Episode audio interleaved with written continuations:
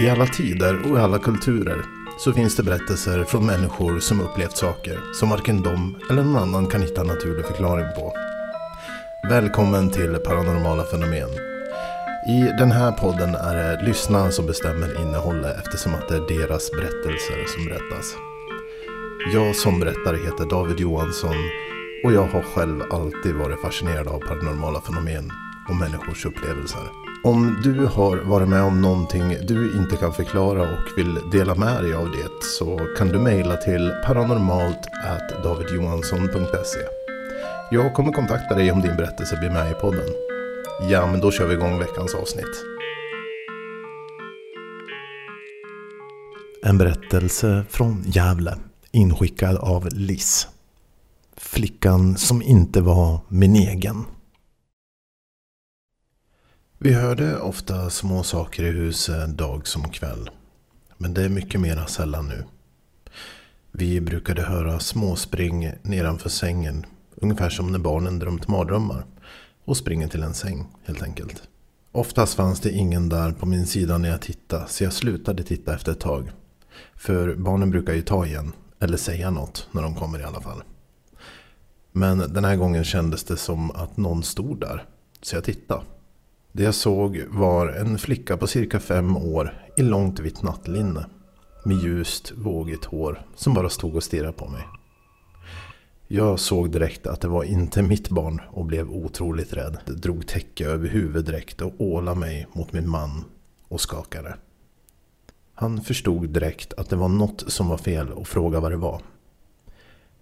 Jag fick fram att det står någon där. Han förstod direkt, för det här var ju inte första gången jag hade sett någonting i vårt hus. Efter den gången bestämde vi oss för att ta hjälp av ett medium. Hon gick igenom hela huset, från botten till toppen. Vi fick några intressanta förklaringar av personer vi kände igen. Vilket var väldigt mysigt att veta att de fanns där. Men på övervåningen där vi har alla våra sovrum började hon beskriva en liten flicka som hade drunknat i en brunn i närheten för många år sedan. Man fattade direkt att det var hon jag hade sett. Hon berättade att hon är vilse och inte hittar sin familj. Hon hade försökt få hjälp av oss. Hon brukar ju gå mellan vårt sovrum och vår äldsta sons sovrum.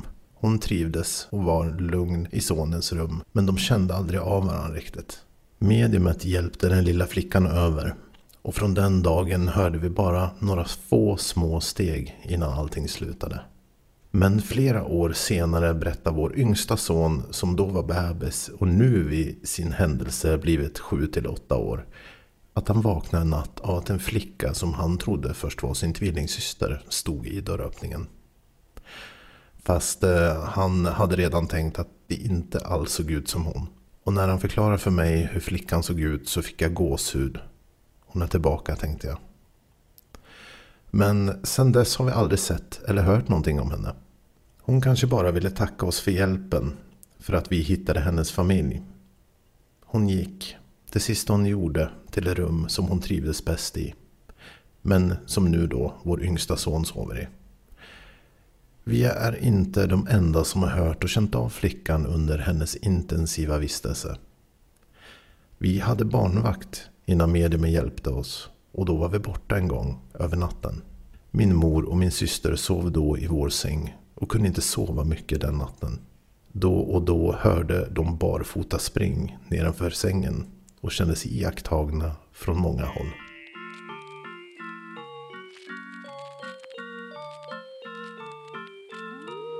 Att eh, känna sig iakttagen. Ja, det är en känsla jag tror många kan känna igen sig i. Visst har man någon gång upplevt att man stått på en avlägsen plats i någon skog eller på väg hem ifrån något ställe. Och vägen hem är sådär kusligt enslig. Helt plötsligt sköljer en känsla över en. Man känner sig iakttagen. Men allt för ofta så får man aldrig reda på varför man kände så just då. Kanske är det vårt undermedvetna som registrerar någonting vi faktiskt sett i ögonvrån som inte riktigt nådde en naturlig framkallning i vårat medvetna. I vår nästa berättelse som är inskickad av Meffi och som utspelar sig i Blekinge så kommer vi ett annat sorts fenomen närmare. Ljudfenomen. Ljudet i Ljusaryd. Jag och min fru var med om en liten halvskum upplevelse då vi hyrde en liten stuga i Ljusaryd.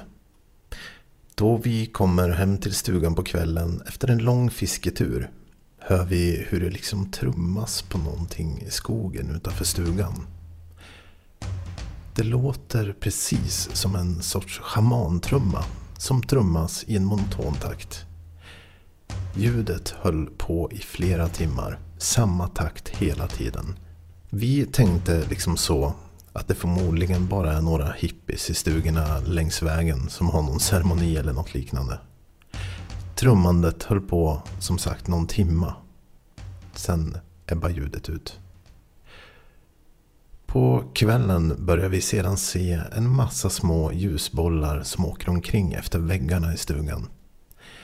Vi kunde inte lokalisera det till någon ljuskälla eller insekter eller liknande. Äh, det var helt sjukt. Vi kunde ligga där och se hur, hur de bara vandrade efter väggarna. Ungefär som små orber. Hur som haver så bestämde vi oss för att sova. Vi vaknar sedan upp mitt i natten och hör hur det här trummandet fortsätter. Men nu är det liksom utanför dörren till stugan. Och jag hör hur det låter som att någon slår med en kapsyl mot en sten.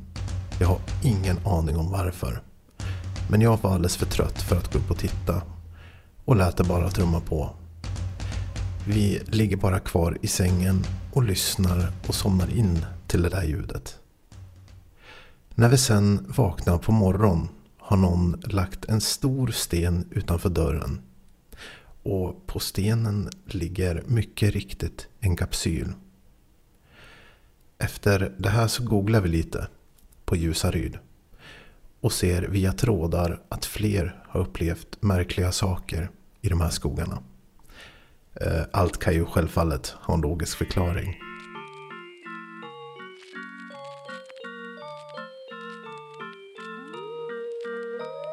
Vår tredje och sista berättelse för den här gången är också av författaren Meffi och utspelar sig kring trakterna i Ljusaryd, Blekinge. Den svarta skolan.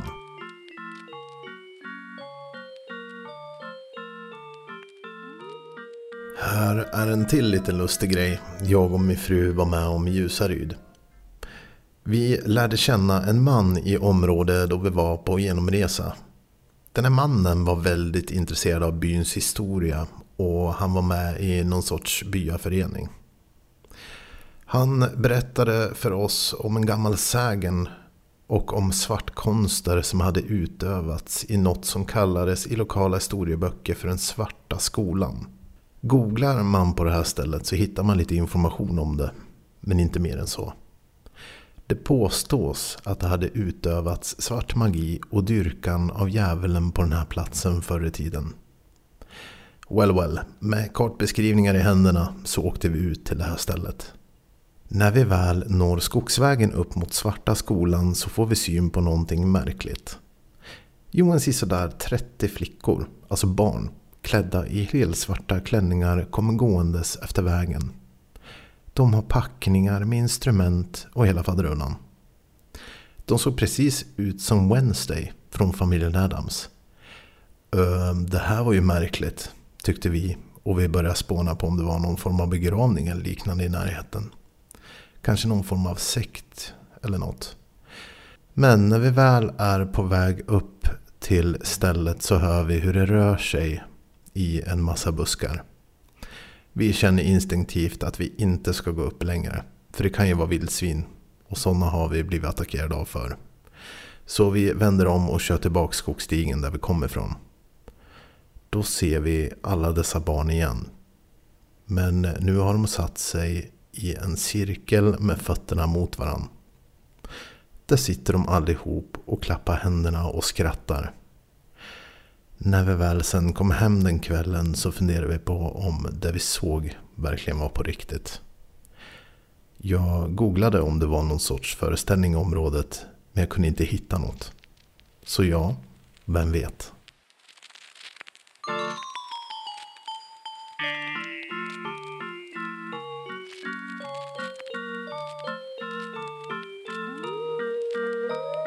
Nu har du lyssnat på det allra första avsnittet av Paranormala fenomen. Nästa gång kommer det att handla om sömnparalys. Om du upplevt någonting konstigt när du har varit precis mellan gränslandet av sömn och vaket tillstånd. Skriv gärna till paranormalt.davidjohansson.se Tack för att du lyssnat.